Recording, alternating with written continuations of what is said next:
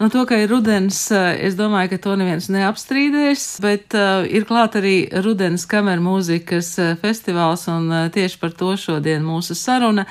7. oktobris ir rudens kameru mūzikas festivāla sākums, un šodien studijā ir muzikoloģa Baiba Kurpniece. Labdien! Labdien! Kura droši vien ļoti labi zina visu programmu, un pianists Juris Žvikovs. Labdien! Labdien!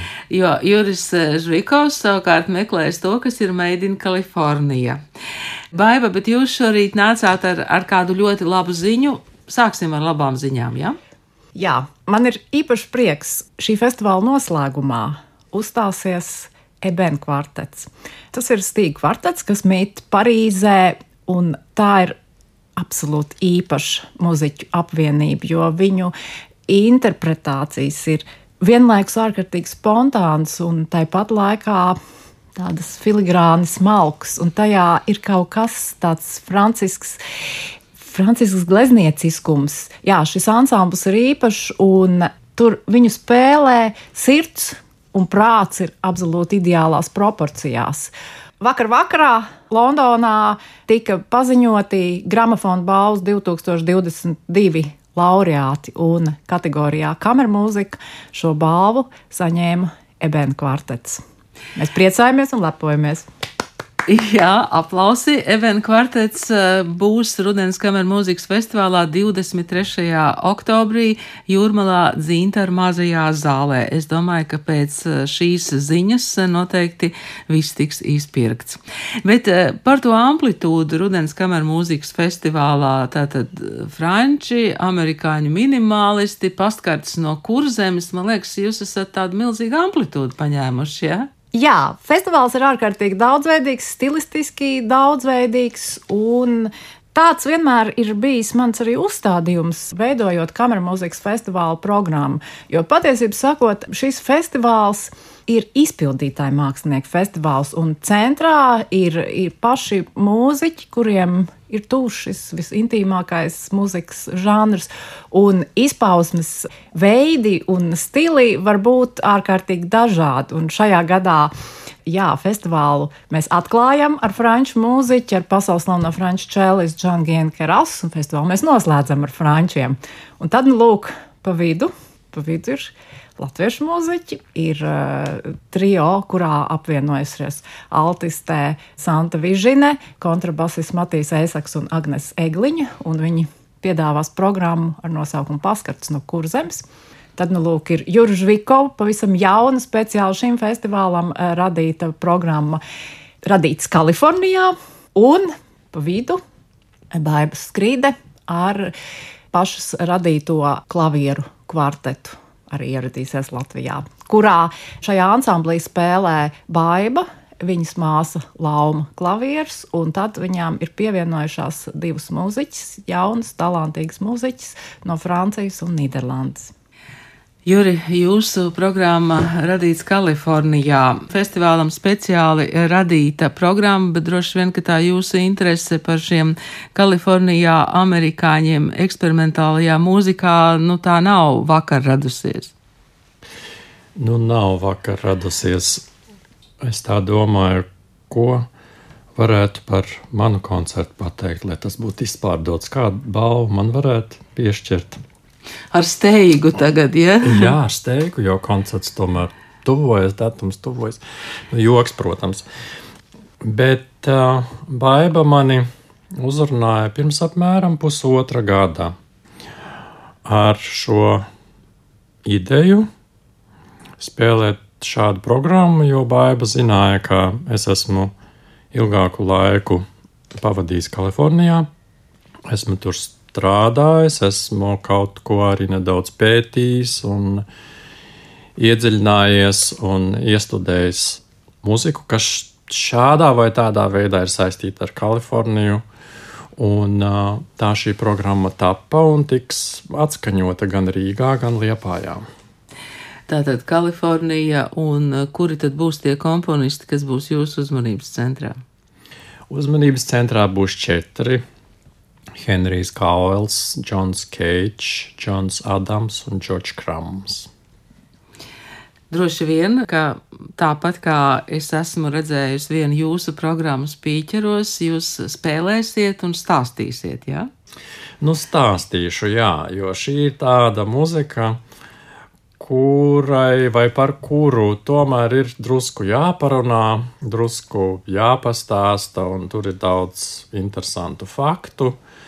Nu, tā lai patiešām koncerts un programma izskanētu tā pilnīgāk.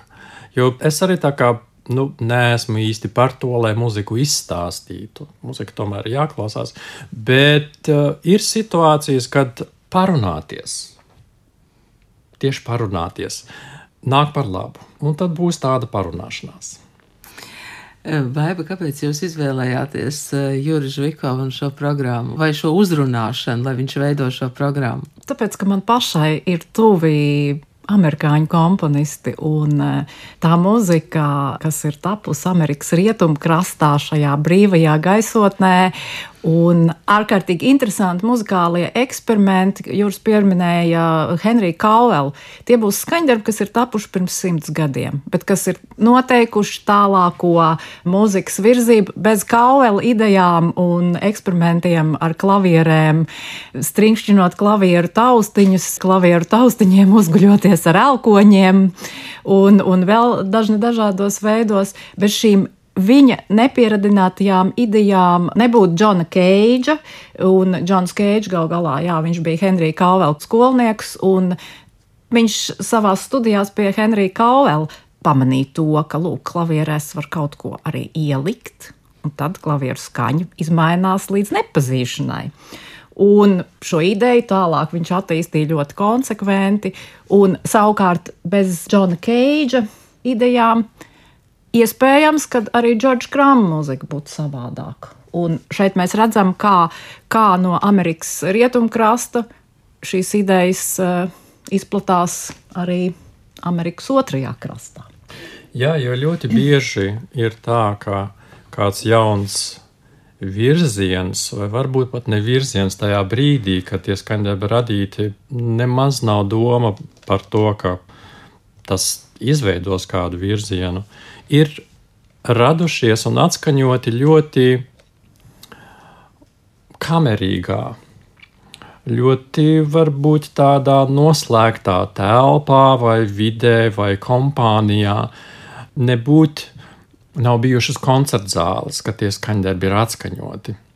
Bet tas, kas tajos skaņdarbos ir iekšā, teiksim tā, tas vēlāk izstarojas ļoti lielā rādījusā un uh, vēlākos komponistos, un tad ar viņiem jau mēs varam teikt, ka ir kaut kāds virziens muzikā radies. Jo ļoti bieži mēs zinām viņus, bet to pirmsākumu, ar ko tas viss ir aizsācies, mēs dažreiz nezinām. Un tad šī programma galvenokārt ir veltīta šim te aizsācējam. Nu, mūzikas profesionāļi zina, Šaurs Loks zina Henriju Kaulu. Bet uh, plašāks mūzikas mīļotāju lokus varbūt arī nezina. Tad es teiktu, ka šī programma ir veltīta Henrijam Kaulam. Viņa muzika būs, un programmā var būt tādā lielākā skaitā, un gan sākumā, gan vēl pa vidu un beigās.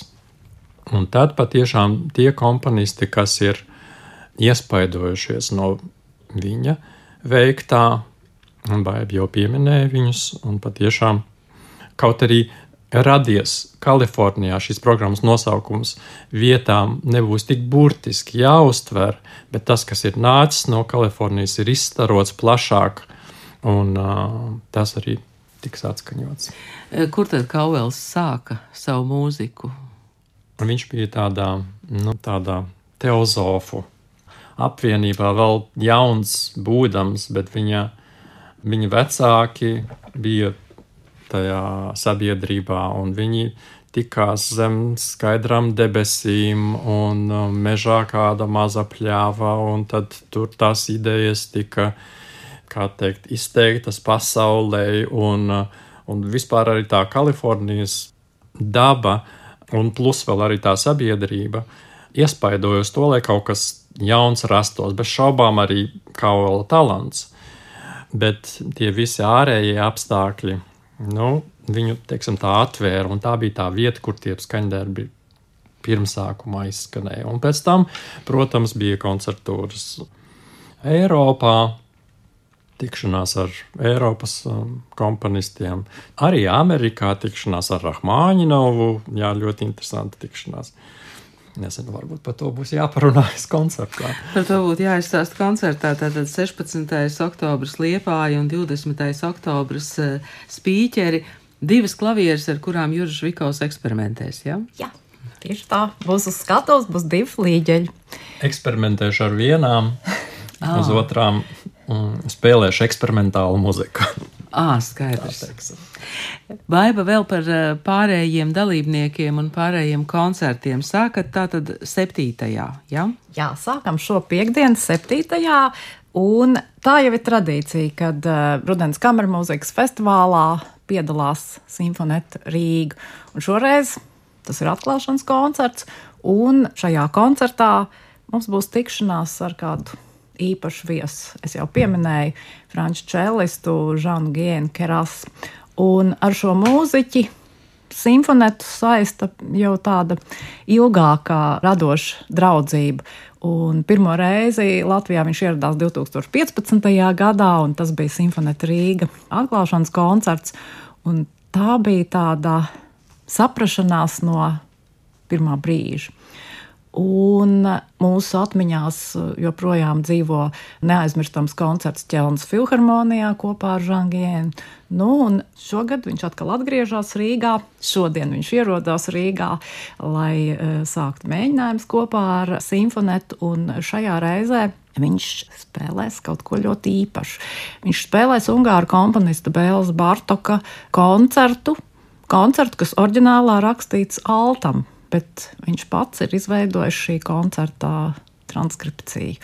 Un, ja mēs domājam par Bartoku, tad varētu teikt tā, ka Bartoka mūzika tā ir tautas mūzika, tādā laikmetīgā mērcē, jo Bartokam tautas mūzika, tradicionālā mūzika, toreiz Austro-Ungārijas teritorijā esošā tradicionālā mūzika, tā faktiski kļuva par tādu viņa miesu un asinīm, jo viņš jau no 20. gadsimta sākuma devās lauka pētījumos, lai klausītos un lai fiksētu šo folkloru, un ir saglabājušās ārkārtīgi skaistas vēsturiskas fotogrāfijas kādos lauku miestos, kur mēs redzam tā laika tehnikas jaunizgudrojumu Edisona radīto fonogrāfu, ar kur palīdzību varēja ierakstīt skaņu. Un lūk, ir šis fonogrāfs un ir šie, šie tautas muziķi, jā, kuri Bartokam dzied. Spēlē.